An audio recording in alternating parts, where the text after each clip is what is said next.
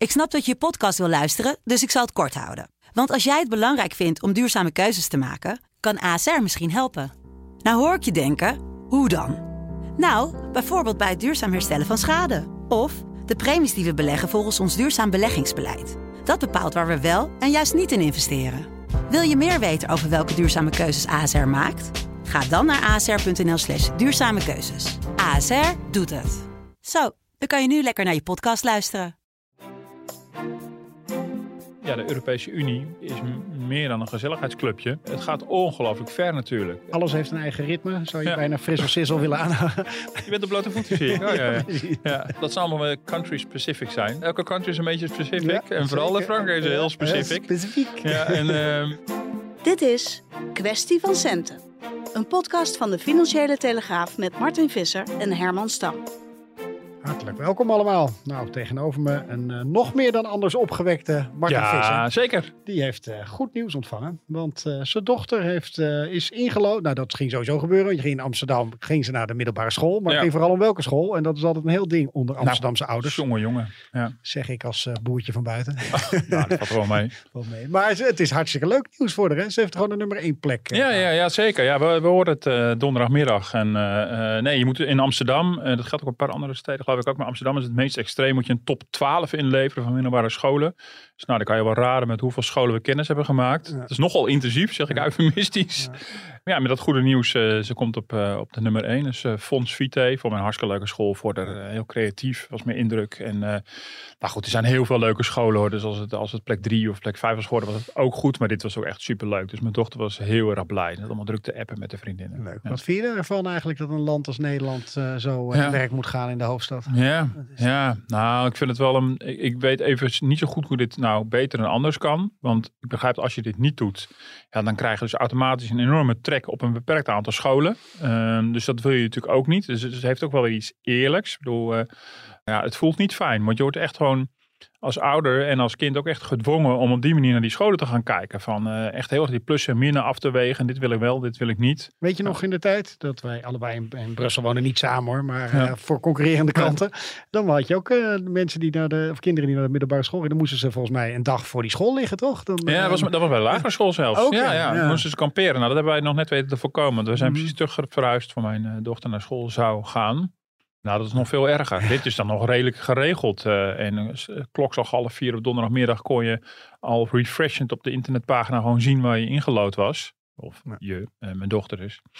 Maar inderdaad in België, daar lagen ze gewoon eh, voor de scholen. was echt helemaal terug. Maar daar speelde ook, ook het punt van die Vlaamse en, en niet-Vlaamse scholen. En, En het gekke ook dat heel veel Waalse kinderen juist naar Vlaamse scholen Precies. wilden, omdat dat Ja. beter aangeschreven stond. Ja, het had ook heel erg te maken met, het, eh, met het, de kwaliteit van het onderwijs. Nou, en mijn indruk was dat in Amsterdam, op een, misschien op een enkele school na de meeste scholen, echt wel van behoorlijke kwaliteit zijn. En ook hartstikke leuk. En, eh, maar ze worden allemaal in een soort concurrentiemodus geduwd. Ze moeten zich allemaal profileren waarin ze beter en anders zijn. En eh, ja, goed, deze fase hebben we achter de rug. En, ehm, je, hebt, je hebt er ja. nog één die eh, dit gaat meemaken. Zeker. Nou, en ik heb zelf ooit, heel lang geleden, ongelooflijk leuke middelbare schooltijd gehad. Dus ik gun het mijn dochter van harte dat dit eh, nu zo op zijn pootje terechtkomt. Mooi. Ja. We hadden het al even over onze Brusselse tijd. We gaan Ja. het vandaag eh, over een van onze favoriete onderwerpen hebben. De EU en hoe het allemaal gaat. Eh, we hebben een nieuw sanctiepakket weer Rondje Europa. Ja. We hebben Stef Bos, onze nieuwe, nou hoe zeg je dat, de sanctietsaar? Of is dat de verkeerde woordkeuze in dit, dit geval? In dit geval is dat een beetje raar, ja.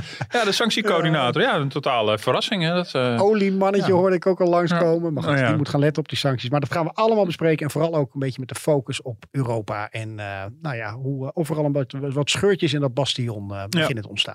Ik denk dat Poetin zich totaal heeft vergist. Die heeft gedacht dat het Westen verdeeld zou zijn. Die hele westerse wereld is verenigd. Landen als Finland en Zweden overwegen nu zelfs lid te gaan worden van de NAVO. Dus waar hij dacht verdeeldheid te zaaien, heeft hij eenheid gecreëerd. En dat is een totale misrekening. Ja, Mark Rutte met eh, best een eh, positief verhaal hè, Ja. over hoe het er nu voor staat in Europa.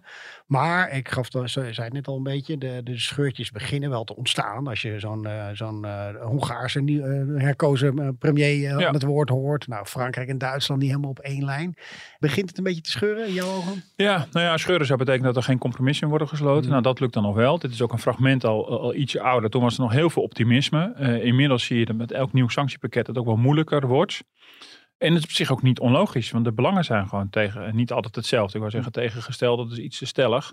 Maar de belangen zijn natuurlijk niet altijd hetzelfde. Ja, je ziet ook nu na de eerste sanctiepakketten, kom je natuurlijk nu onvermijdelijk bij energie terecht. Mhm. En uh, na afgelopen weken is dan ook besloten in het nieuwe pakket om kolen mee te nemen. Maar ja, uh, gas en olie worden natuurlijk ook al een tijdje besproken. Ja, dan hangt het sterk af van jouw afhankelijkheid van Rusland op dat gebied, hoe je erin zit. En dat geldt voor uh, nou, een Duitsland of een Oost-Europese landen heel anders dan bijvoorbeeld in Frankrijk. En Frankrijk en Duitsland staan niet tegenover elkaar. Frankrijk heeft natuurlijk met zijn uh, hoge mate van kernenergie uh, heeft natuurlijk een heel ander verhaal dan Duitsland. Dat ik ja, jarenlang samenwerkte met Rusland. Uh, nou, de Nord Stream, uh, die, die nieuwe pijpleiding. Goed oud uh, Gerhard Schreuder, die zich ja. daar heel hard voor heeft gemaakt. Ja. ja. Nou, en interessant is ook dat je natuurlijk wel heel voorzichtig de laatste tijd wat meer kritische geluiden over Angela Merkel hoort. Mm. Ik bedoel, toch echt wel, ja, was echt een beetje de baas van Europa de afgelopen jaren. Ook wel een baken van stabiliteit misschien. En ja, als, als Angela iets niet wilde, dan gebeurt het niet. En andersom, als ze wel iets wilde, dan kon ze iets een bepaalde kant op duwen. Mm. Maar je ziet ook wel dat ja, ook uh, Zelensky, uh, president van Oekraïne, die natuurlijk ook wel aangeeft, nou misschien heeft ook Duitsland het niet altijd even goed gedaan. want ze hebben wel heel erg tegen Rusland aangeschurkt en, en de Duitse economie erg afhankelijk gemaakt ja. van Russische energie. Ja. Dus ja, dat dat die... vaak gezegd bij Merkel toch ook, van door haar Oost-Duitse uh, geschiedenis en dat ze daardoor juist goed met Poetin door de deur kon. En ik heb ook wel commentaar gelezen van als Merkel er nu nog had gezeten, was het veel minder uit de hand gelopen, omdat ze zo goed met Poetin Ja, kon. ja, dat vind ik altijd een beetje moeilijk. Ja. Als dan, ja, dat had, dat had gekund. Ja, maar wat als niet Joe Biden, eh, maar Donald Trump er had Ja. gezeten in Amerika. Ja, ja dat is... eh, Dat weet ik echt oprecht niet. En eh, het, bedoel, het wordt wel gesuggereerd dat, dat, dat Poetin dit pas kon of durfde te doen toen Angela Merkel weg was. Dat zou misschien kunnen. Je kan op die manier tegenaan kijken. Je kan ook zeggen, misschien heeft Angela Merkel is misschien allemaal te mild geweest voor Poetin. Ja, Ze dat- heeft wel zich heel even verdedigd, geloof ik. Kijk, er Ja. kwam wat, ze, ze heeft zich wel gemeld van Ja. luister, deze kritiek eh, de, de is onterecht, toch? Ja, Eh, zeker. ja. En het was ook, ik vind het ook heel moeilijk, want het is allemaal, het is allemaal met hindsight. Hè. Bedoel, eh, achteraf gezien voelen we ons hier heel ongemakkelijk bij. En ja, je hebt gewoon twee scholen. Je hebt een school van hou zo'n land dicht tegen je aan, dan blijft het onder die invloedssfeer. Of nu de school, maar ook min of meer gedwongen in die oorlog. Je kan ook niet anders. Als je niet wil mengen militair in die oorlog, dan is het de enige mogelijkheid. Dan nu duw je Rusland van je af. Mhm. Ja, dat heeft, zal ook gevolgen gaan hebben. Dat heeft ook gevolgen van waar gaat Rusland zich dan op richten? Ja, dan gaat eh, Poetin zich natuurlijk niet meer richten op Europa, maar op andere delen van Ja. de wereld. En dat kan op de lange termijn ongewenste gevolgen hebben. Ja, het kan ook betekenen, eh, niet alleen dat Poetin zich op andere delen gaat richten, maar dat China ook denkt van, eh hoppakee, daar gaan we, we kunnen nu Ja. wat meer zaken daar doen, want er vallen nog wel wat gaten die de Europeanen Ja. maar achterlaten, toch? Ja, nee, dus dat is een van de gevolgen. Ehm, wat er nu gebeurt is nu heel erg in een anti-Poetin stemming. Nou, ik denk dat, dat het ook wel goed is om die sancties te doen. En misschien moet je nog veel verder gaan. Maar dat zou niet onlogisch zijn, denk ik. Maar de onvermijdelijke consequentie is natuurlijk wel dat het ook impact heeft op de, de Rusland-China verhouding. Mhm. En dat dit ook de vraag stelt van oké, maar als we ons nu toch bij nader inzien zo ongemakkelijk voelen met zo'n innige handelsrelatie met een land als Rusland. Hoe voelen we ons eigenlijk dan ten opzichte van China? Willen we dan ergens in de toekomst ook daar op een gegeven moment tot de conclusie komen van oei, er was misschien bij nader inzien niet zo heel erg goed geweest om zo innig eh, verstrengeld te zijn met, met zo'n land. En je ziet bijvoorbeeld dat de Europese Unie op EU-niveau, dus Brussel, Europese Commissie, dat heel sterk heeft. Eh, een beetje à la Amerika proberen ze ook nou, op, de, op de zachtere EU-manier zo'n toon aan te slaan van wij zijn ook een machtsblok en we willen ook onafhankelijkheid hebben. Dus dan eh, de EU, de Europese Commissie denkt dan echt in, in de blokken Amerika, eh, Europa, China. Zo bijvoorbeeld als een land als Nederland natuurlijk ook heel veel handelsbelangen heeft bij China. Mhm. Dus niet zo ferm daarin zal- in zal zijn. Ja. Maar inderdaad, dit heeft de gevolgen, zeker ook voor de verhouding China-Rusland. Zeker omdat we hebben nu problemen met, eh, met energie, je hebt problemen met voedsel, maar we hebben ook al problemen met grondstoffen. Nou, heel veel gr- grondstoffen komen uit de regio natuurlijk van- van Rusland en Oekraïne. Maar ook uit de, uit de Afrikaanse regio, waar China zich natuurlijk al grootschalig heeft ingekocht bij heel veel landen. Mhm. Dus we zijn al voor een belangrijk deel eh, heel erg afhankelijk van China geworden. Dus misschien zijn we daar al bijna een beetje te laat om over na te denken hoe je onafhankelijker kan worden. Ja, en je, je noemde even hè, over dat, eh, dat vijfde sanctiepakket is het inmiddels, hè, geloof Ja. ik. De kolen, hoe erg is dat dan? Want het is, het is niet, eh, gas en olie, ik zat het even op te zoeken, is Ja. iets van 850 miljoen per dag, wat er geëxporteerd wordt door Rusland. Maar dat kolen is echt eh, heel minimaal. Dat is veel toch? kleiner. Voor Duitsland is het nog wel vrij groot, maar het is veel minimaler. Niet voor niks kon dat zo snel afgesproken worden. Dus Mhm. eh, ehm, het, het heeft wel impact. Het zal ook impact hebben op de, de overslag in Rotterdam bijvoorbeeld. Dus die impact is er wel degelijk. Maar dit kon veel sneller besloten worden. Dat is natuurlijk duidelijk. Ja, vooral, en en olie is dan, zou je denken, de volgende en gas, dan wordt dan echt heel erg ingewikkeld. Ja. Ik bedoel, dat geldt ook voor Nederland. We hebben in de krant eh, gehad, interview eh, met, eh, met de gasunie, dat het eh, dus tot 2025 wel duurt voordat we echt onafhankelijk kunnen zijn. En dan heb je Mhm. Nederland, is dan nog een relatief kleine Russische gasverbruiker. Ja. Nou, laat staan als je een Oost-Europees land bent of, of Duitsland, wa- wat veel afhankelijker is. Ik bedoel, je kan het heel stoer roepen, maar je bent er natuurlijk niet zomaar vanaf. Mhm. Dus als we in het scenario terecht zouden gaan komen dat, dat we een gasboycott onvermijdelijk vinden, of alsnog is het een soort tegenactie van Poetin, wat hij nog steeds niet heeft gedaan. Wat wel een beetje in de lucht hing, hè, toen hij begon te eisen dat Ja. alles in, in roebels moest worden betaald. Dat was een soort opstap daar naartoe. Ja, dan zou dat betekenen dat je dat echt als Europese Unie samen moet besluiten, omdat je waarschijnlijk ook elkaars energieproblemen dan moet gaan opvangen. Mhm. Dus dat behelst echt heel veel. Dus dan is het wel echt wel, echt wel zaak dat de EU-landen elkaar stevig vasthouden. Ik bedoel, het is prima als er tegenstellingen zijn in onderhandelingen, maar er moet wel een fatsoenlijk compromis uitkomen. En je wilde natuurlijk niet dat we à la de eurocrisis, waar we, wij met onze neus over op eh, zaten destijds, dat al die oneenigheid ook allemaal op straat ligt. En dat ook op straat en publiciteit wordt journalisten wel heel fijn altijd, Zeker. toch? Want het Dus, eh, kakelde ja. allemaal maar door in Brussel. Zeker. En elke Ja. dag had je weer een nieuw nieuwtje. Zeker, dat is ook gewoon de, de plicht van de politiek om gewoon transparant te zijn.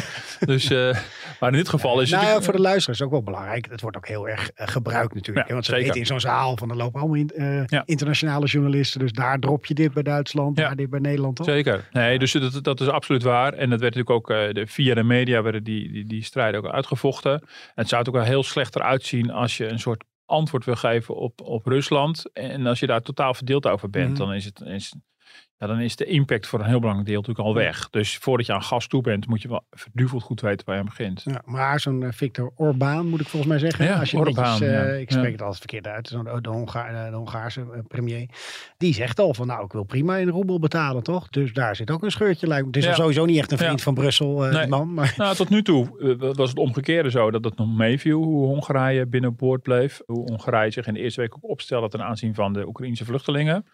Maar goed, in het rijtje vrienden van Poetin zit hij natuurlijk meer in, die- in die hoek dan. eh, dus ja, dat, dat kan nog wel moment wel lastig worden. Ja. Ja. Nou, tot nu toe is het, is het allemaal nog wel meegevallen. Hè. Zijn ze met elkaar wel uitgekomen in Brussel. Mhm. Maar ja, hoe verder je gaat, hoe lastiger dat wordt. Ja. Je ziet al eh, de Baltische Staten, geloof ik, hè, die eh, zeggen van joh, het gas hebben we niet meer nodig Nee. uit Rusland. We hebben Nee. een soort opslag en daar redden we het voorlopig wel van. Ja. Kijk, en dat is natuurlijk wel het verschil. hè. Je hebt natuurlijk de Euro- Oost-Europese, dus dat is, vind ik best wel van afstand best wel lastig allemaal in te schatten. Hoor. Je moet heel erg goed natuurlijk een beetje de cultuur en historie van die landen weten, hoe ze daarin zitten. Dan zie je daar wel grote verschillen. Ik bedoel, de zorgen bij Baltische staten is natuurlijk heel groot. Want zij realiseren zich, wij zijn klein en we liggen echt gewoon tegen Rusland aangeplakt. Mhm. Maar ook een land als Finland is heel ver gegaan al, al jarenlang in totaal voorbereid zijn op rampenscenario's zoals, zoals deze. Mhm. Dus die hebben ook grote strategische voorraden van van alles nog wat. Nou, dat was in de coronacrisis handig, maar in, en, en zij ervaren dit ook echt als een oorlogsdreiging. En dat geldt voor die Baltische staten ook. En die waren al veel minder afhankelijk van Rusland. Het is ook niet zo dat daar plotseling ineens een pro-Russische politieke leider eh, verkozen wordt. Wat in Hongarije dus wel zo is. Ja. En dat is ook wel interessant. Dus die, ook die Euro- Oost-Europese landen hebben natuurlijk eerst een tijdelijke beweging richting West-Europa gemaakt. Toen ze met z'n allen, nou wat is het, eh 18 jaar geleden ongeveer lid werden van de Europese Unie. Maar dan zie je natuurlijk wel op een gegeven moment ook een aantal landen tij wel keren. Ook eh, ja, of pro-Russisch of gewoon een conservatieve afslag nemen. Zoals in Polen ook heel erg speelt. Dus het idee dat je allemaal in de vaart en volkeren meegaat. Allemaal eh, moderne Europese landen wordt. En alle moderne wetgeving. eh, rechtelijke onafhankelijkheid. Ja, dat is natuurlijk in sommige landen in Oost-Europa in het geding. wel. misschien is het ook wel heel snel gegaan voor die landen. Dat vind ik overigens met Oekraïne ook nog een punt. Hè. Ik bedoel, iedereen is voor Oekraïne, want je kan moeilijk tegen zijn. Mhm. Dat slaat ook nergens op. Maar in die slipstream wordt ineens ook over de, de, de lidmaatschap van Oe- Oekraïne van de Europese Unie gesproken. Ja, terwijl ik ook denk, van, ja, weet je, als we kijken naar hoe het met Oost-Europa is gegaan, zo'n land is natuurlijk nog totaal niet aan toe. Dus het is, Mhm. het is misschien een heel mooi gebaar om, om te zeggen, nou jullie mogen lid worden, maar weet wel waar je aan begint. Het is een ongelooflijk groot land Mhm. met meer dan 40 miljoen inwoners. En het is niet zomaar even een politieke samenwerking die je dan met elkaar begint. Je bent gewoon op allerlei manieren met elkaar financieel en economisch ook met elkaar verbonden. Ja, en eh, je kan ook stellen dat heel veel van die late toetreders tot de Europese Unie ook nog niet helemaal klaar zijn, Nee, toch? Als nog je niet. corruptiecijfers ziet Nee. of eh, noem maar op. En dat zie je bij Oekraïne ook. Bedoel, als je kijkt op die, de corruptie-ranglijst die worden gemaakt. Nou, daar staat Rusland echt heel erg laag. Dus eh, die, met veel corruptie. Maar Oekraïne staat er maar een paar plekken boven. Dus, Mhm. dus ja, weet je, dat is ook een relatief jonge, jonge staat. En ik begrijp wel dat er nu geopolitieke redenen zijn om, om Oekraïne echt naar ons toe te trekken. Dus misschien dat die redenen op een gegeven moment overwicht hebben.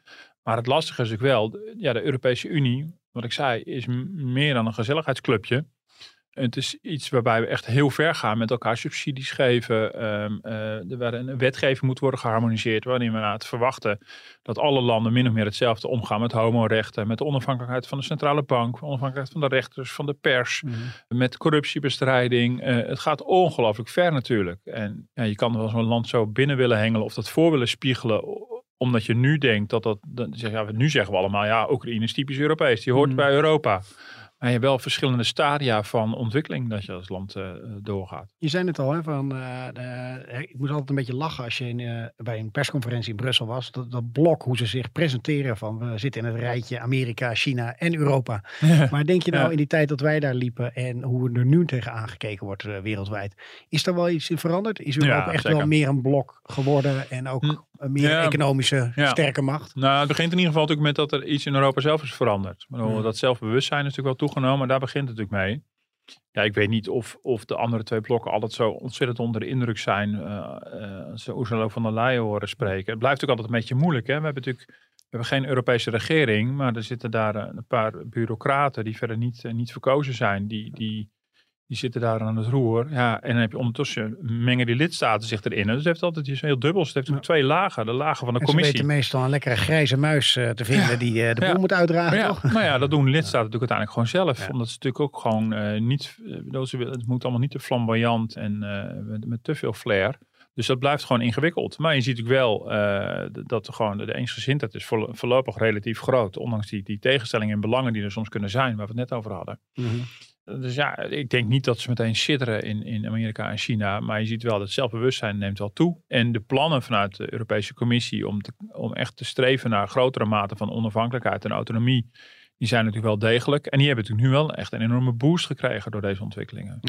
Laten we ook even kijken naar eh Sigrid Kaag, want die was op bezoek. Hè? Niet in Brussel volgens mij, maar in Luxemburg. En daar Ja. kwam toch wat verrassends uit eh, qua eh, samenwerking met Spanje. The aim to strengthen our economies, how we can tackle debt sustainability in a realistic way that allows for national growth paths towards debt reduction and also really fosters investments and of course the reforms that are much needed because this is all about Europe. Ja, vroeger stond Nederland vooral bekend als het strengste jongetje ongeveer in Ja. de klasse in, eh, in Europa. En dit is toch wel een soort verrassende samenwerking, toch? Ja. Wat Spanje en Nederland willen. En eh, nou, je mag afbouwen in je eigen tempo. Alles heeft een eigen ritme. Zou je Ja. bijna fris of sissel willen aanhouden. Maar eh, je eigen ritme je, op, afbouwen van je schulden. je bent op blote voeten, zie ik. Oh, ja, ja.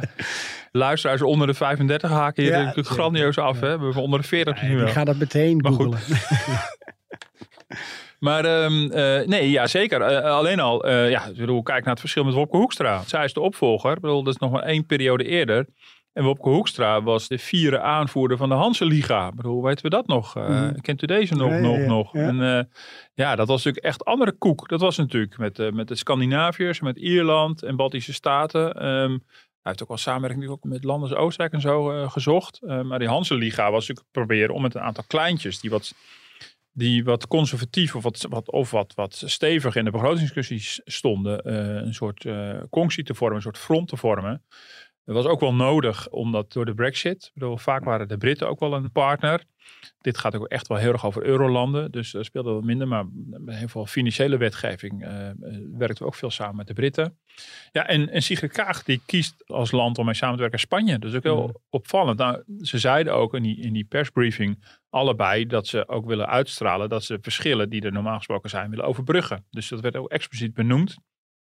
Ook door de, de, de Spaanse minister, die dat ook zei van nou, nou, je kent ons vanwege de verschillende insteken hoe we ten opzichte van de staatsschuld en begrotingstekort en het wegwerken daarvan staan.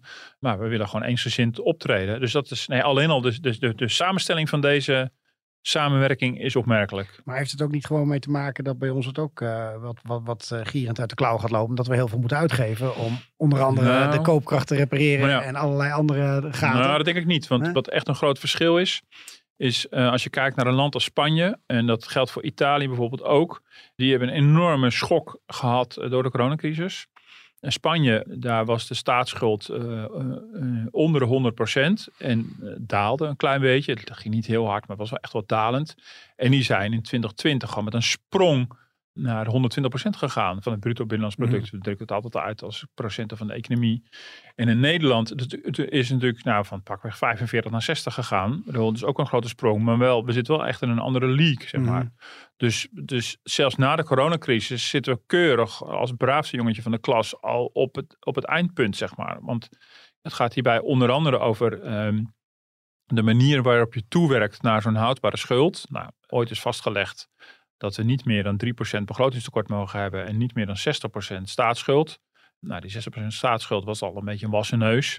Want bij toetreding tot de euro moest je gewoon laten zien dat je staatsschuld in die richting tenderen. Mhm. Dat was dan al voldoende. En na de eh, eurocrisis is toegevoegd dat er een soort stappenplan moest komen waarin je in 20 jaar naar die sa- 60% zou gaan. Dus je moest 1 twintigste per jaar moest er vanaf.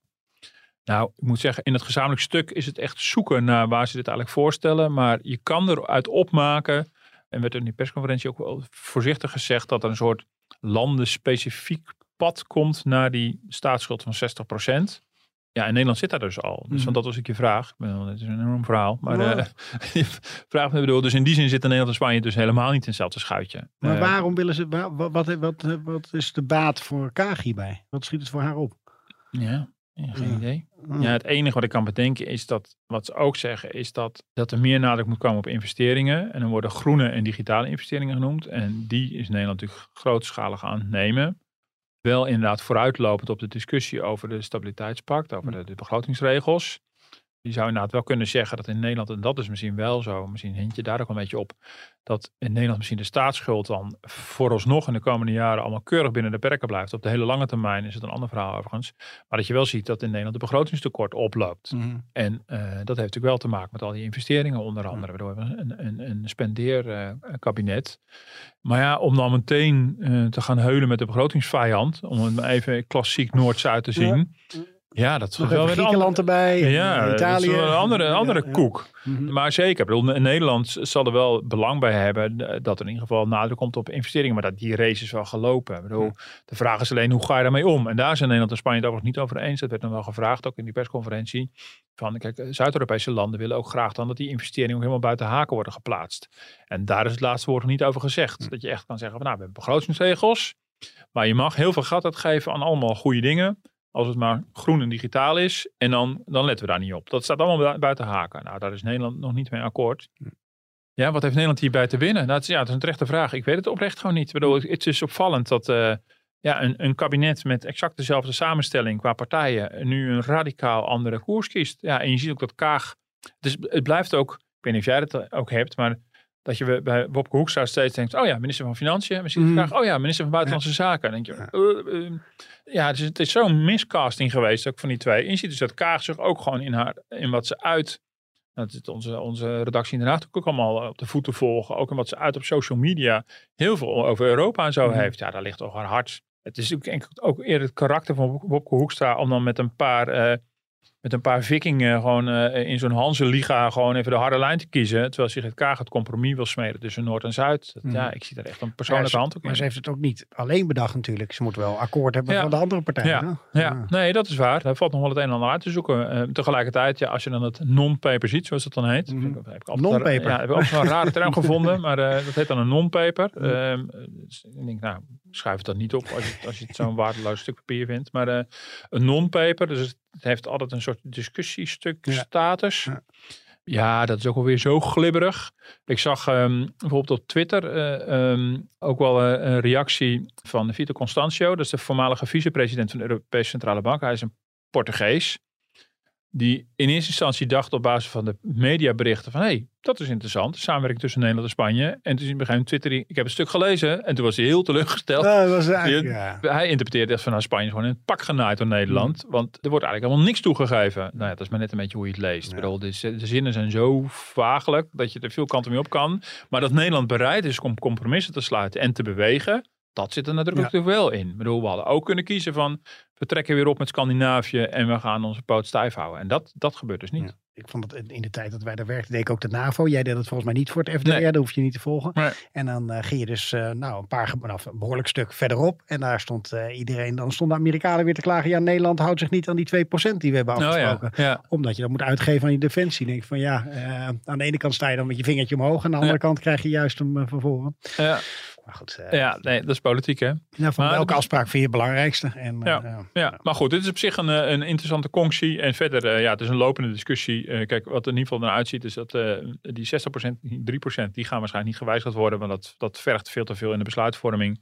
Maar het is een beetje zoeken naar eh, ja, hoe, hoe glibberen we daar nog een beetje flexibiliteit in. En iedereen wil de regels simpeler maken. Nou, voor mij aan het eind van de rit, ja, dat zegt Nederland en Spanje ook. Het moet allemaal veel simpeler, want niemand begrijpt de begrotingsregels meer. Maar als er dan zo'n zo'n landenspecifiek zo wordt het ook genoemd in het stuk, een country-specific consolidation strategy, zo heet het dan. Dat is een landenspecifiek pad om naar je een acceptabele staatsschuld te gaan. Ja, dan kan elk land met je zijn eigen ideeën en plannen indienen. Dan moet de Europese Commissie allemaal weer goedkeuren. Ja, nou, ik heb daar weinig fiducie in. Maar de andere kant is, eigenlijk op het moment dat het werd ingevoerd, dat elk land in, in stapjes van 1 20 zijn staatsschuld moest reduceren naar 60% Ik kan me herinneren dat ik destijds dan voor de concurrent opschreef, dat kan gewoon al Hm. niet. Italië zat volgens mij toen al op een staatsschuld van 120% Dat zou betekenen dat je 60% staatsschuld moet reduceren in 20 jaar. Nou, dat is gewoon feitelijk onmogelijk. Dan moet je zo'n gruwelijk begrotingsoverschot hebben. Jaar na jaar na jaar na jaar. mhm. 20 jaar op rij. Ik denk, nou, dat is gewoon een heel ander land. Dat hebben ze daarvoor ook nooit gedaan. Dus dan weet ik veel. Dan moet je daar eh, Finland aan de macht helpen, zo in Italië of iets dergelijks. Nee, dat gaat. Dus, Mhm. dus het zijn afspraken die ook helemaal nergens op slaan. Dus als Nederland daar een beetje toegeeft, ja, dan geef je toe aan staande praktijk. Dus dan is het ook een beetje, dan is de keuze, doe je het voor de bühne. Dat zou Wopke Hoekstra hebben gedaan. Eh, of, Iets eh, realistischer. of doe je het realistischer en dan met je Europese idealen, eh, bla bla bla. En dan heb je sigaretkaag. Tja, nou, mooi moment om even, want het is een Europese podcast. We gaan eens eventjes naar de Franse en naar de Hongaarse verkiezingen.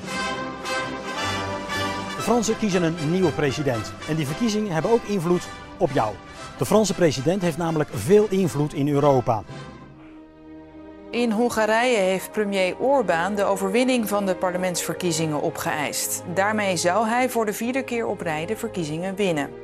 Ja, als Brusselse correspondent volgde ik dit meer op de voet dan ik het nu doe, geef Ja. ik eerlijk eh, Ja. toe. Je, zit jij al een beetje in die Franse verkiezingen?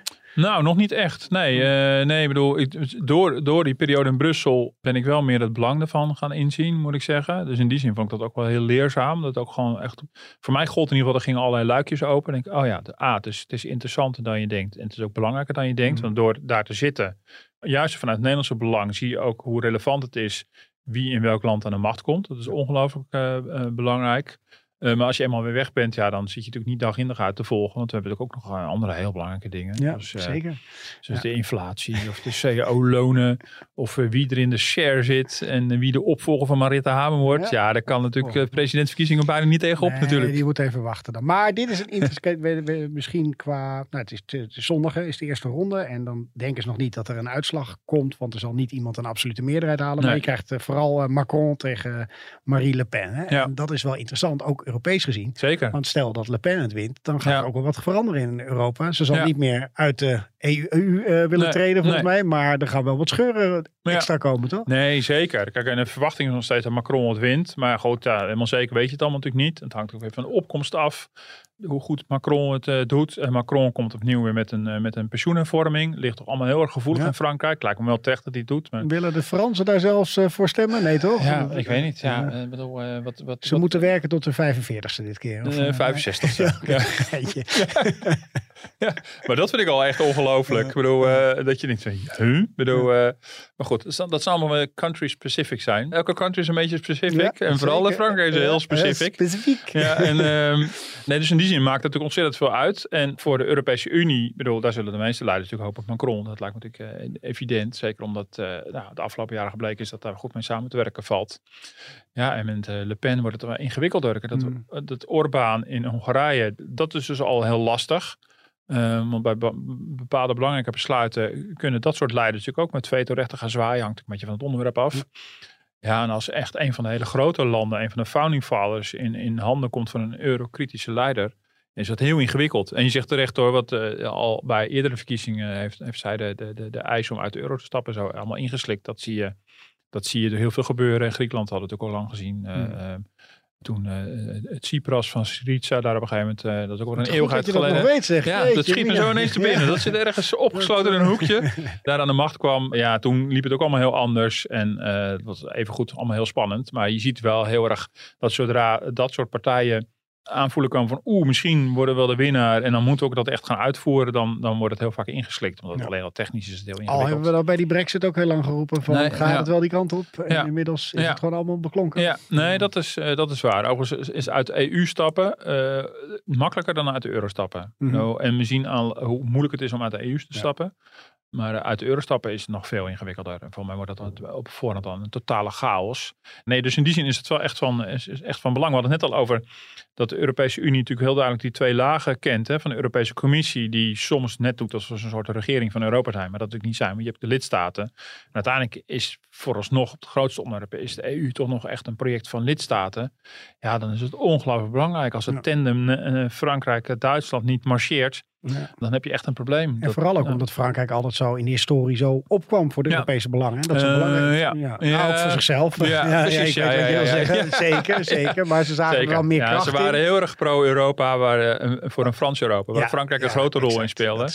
Maar ja, tegelijkertijd zou het ook wel heel spannend zijn. Zodra eh, zo'n soort politicus op een gegeven moment echt gewoon ook die macht heeft, moet ze zich ook verhouden tot de Europese Unie. En moet je daar ook iets mee? Want Mhm. ja, de- niemand heeft, de- zij zal er ook geen belang mee hebben om alles maar tegen te houden, om het tegenhouden.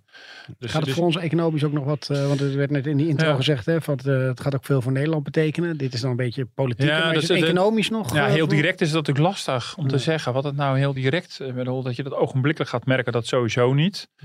Maar Frankrijk heeft natuurlijk al in onze ogen wat nationalistische insteek natuurlijk vaak. Hè. Eh, ze zijn natuurlijk wat protectionistischer dan wij van huis uit zijn. We zijn nog veel meer voor de open markt en open handel.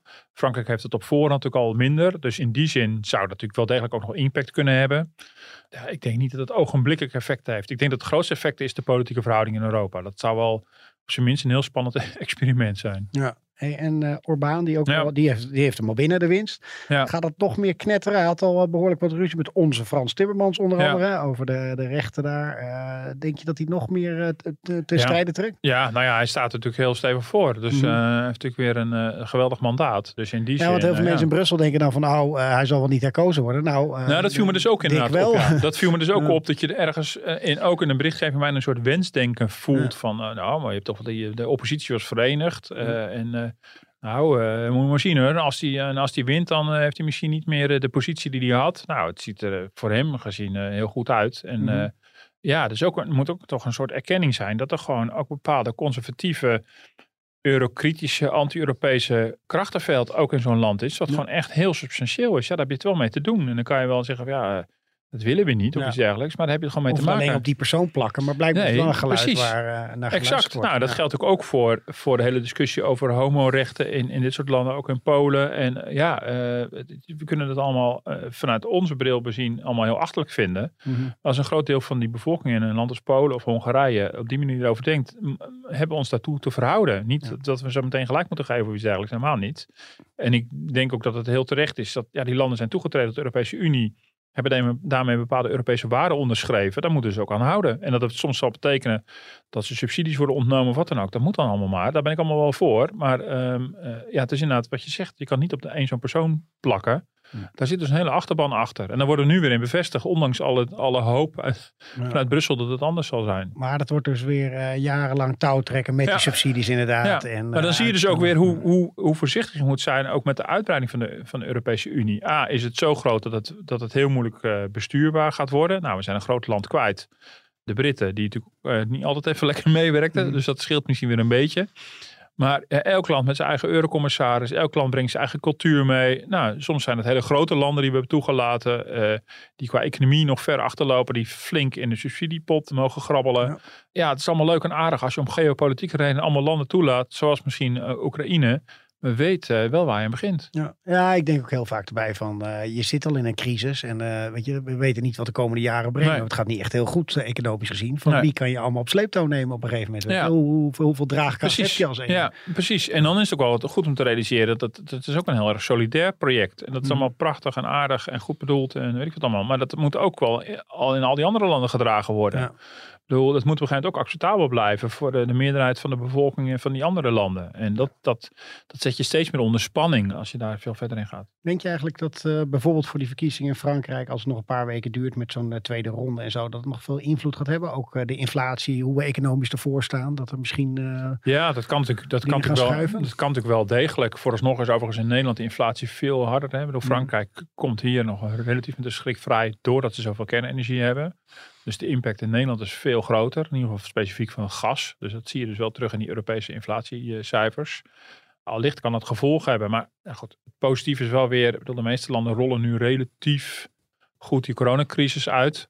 Maar die inflatie komt natuurlijk wel. Je hebt, via de inflatie zie je natuurlijk wel ook gewoon dat die, dat die oorlog gewoon concrete effecten heeft. Die effecten zie je overigens wel heel snel in je portemonnee.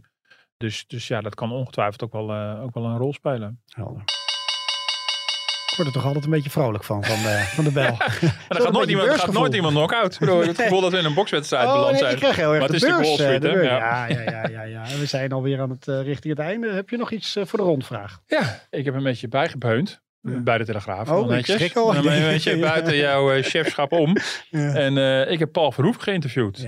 Hoe leuk is dat? Ja, ik was heel jaloers op ja, je. het, ja. Geweldig. Hoe was het gesprek met Ja, ongelooflijk leuk. Het, was, uh, het had wel wat voet in de aarde om het uiteindelijk voor elkaar te krijgen. Tenminste, hij was heel bereidwillig. Maar nou, het duurde echt op. Ik moest geduld hebben. En uh, blijkbaar houdt hij er niet van om heel ver vooruit een afspraak te maken. Dus ik had een toezegging en moest dan op een gegeven moment maar weer aankaarten. En, uh, nou, ik, was, ik had zoiets nou, eerst maar zien dat we die, het was via Zoom en daar zit in Amerika nog. En uh, eerst maar zien dat het gesprek er komt. Nou, en ik, vooral dat leuke vind ik, ik praat niet over zijn nieuwste film of iets dergelijks, want daar hebben we onze filmcollega voor. Maar het is een paasverhaal geworden. In aanloop naar Goede Vrijdag en Pasen. En het gaat over zijn... Uh, hij is Jezus-fan ja, toch? Jezus-fan. Ja, het gaat over zijn grote hobby. Jezus, ja, dat is niet te geloven. Maar, uh, dus ja, ik vind het wel heel leuk. Daar is hij al jaren mee bezig. En heeft hij ook al vaker dingen over gezegd. En hij wil al heel lang een Jezus-film maken. Veel mensen zullen dat weten, maar ik vermoed ook dat heel veel mensen dat helemaal niet zo goed weten. Dus ik denk dat het voor veel mensen toch een verrassing is om hem zaterdag in de krant te horen vertellen over, uh, ja, over Jezus. en wat hij wel en wat hij niet gelooft. En, en zijn hele zoektocht. En uh, ja, heel interessant. Dat voor de regisseur van Showgirls. het is, geweldig hè? ja, geweldig ja. Nee, ja. Ik zal gewoon tegen mensen zeggen, lees het. Ik zat net al even, want ik kon het al in de krant een beetje meelezen. Oh ja, een beetje. Het is Mooie foto erbij. pagina was al opgemaakt. Ja. Zalig verhaal. Hartstikke goed gedaan. En had jij nog iets voor de laatste ronde? Nee, nou ja, ik maak veel minder spannende dingen mee. Hè. Ik, als, als chef uh, zit je gewoon heel veel aan het kantoor. Kan ik niet, uh, hmm. kan ik niet Paul Verhoeven interviewen. Maar ik zat me heel erg op. We hadden vanochtend natuurlijk een heel mooi primeur over de ING en Albert Heijn. Die dan niet naar Qatar gaan. Het gaat toch, het gaat zijdelings over voetbal, Martin. Sorry, sorry, ja, sorry. Maar ik zit me daar toch een beetje over op te winnen. Dan denk ik van ja, dan ga je niet met al die hooggenoden gasten naar Qatar. Maar zet eerder wel druk op die KNVB. Waarom ze in godsnaam meedoen aan zulke uh, oh, toernooien. En dan word ik ook narig van die hele FIFA. Dan denk ik ja uh, dan zit je allemaal met van die Barbara Barend hoorde ik vanochtend op de radio. Dacht, nou daar heb je nou een goed punt. Die FIFA, dat is de voetbalorganisatie. Ja, die zeggen, dat, ik, ik probeer het zo helemaal, makkelijk mogelijk aan je uit te leggen. Ik ben niet helemaal achterlijk. Ja, en die zeggen nou fight racism, want dat vinden we allemaal belangrijk. En we gaan allemaal knielen en oh, oh, oh. Maar ondertussen ga je dus zo'n WK toch gewoon organiseren in een land waar de homo Maar jij vindt, jij vindt dat je Prins moet zijn? Nou, eigenlijk wel een beetje, ja. Dus jij gaat niet kijken? Ja, en dat kwam daarna dus een beetje in de discussie. ja. dan al wel de wedstrijd en niet de nabeschouwing met al het feest. Nou, ik ben er nog niet helemaal uit. Ik, zeg nou, ik weet inmiddels dat het pas in november is. Ja. Nou, zo weinig wist ik vanaf, dat moest nog verteld worden. Dus je hebt nog heel veel maanden over na te denken, hoe principieel je dan zelf bent. Ik ga mezelf wel pijn doen als ik die wedstrijden niet aangezet. Maar goed, het gaat nou, veel je, erger. Weet je wat? Ik ga voor mijn principes. Ik ga niet kijken. Kijk, hè, kijk. We hebben er in ieder geval één. en het zal een opoffering voor je zijn, Martin. Enorm. nou, uh, bedankt voor het luisteren. En uh, Martin gaat weer even zijn uh, duimpjes, uh, of de promotietour even doen. Martin, kom op. nou, vond je het een interessante podcast? Ondanks het geleuter zo tegen het eind. Maar vond je het interessant en de moeite waard? Geef duimpjes en sterretjes en laat een comment achter. Dan zijn we goed vindbaar. Ja, en mail ook naar podcast.dft.nl als u commentaar ook hebt. Of bijvoorbeeld een bepaald onderwerp wil aandragen. Daar staan we allemaal open voor. Tot volgende week. Tot volgende week.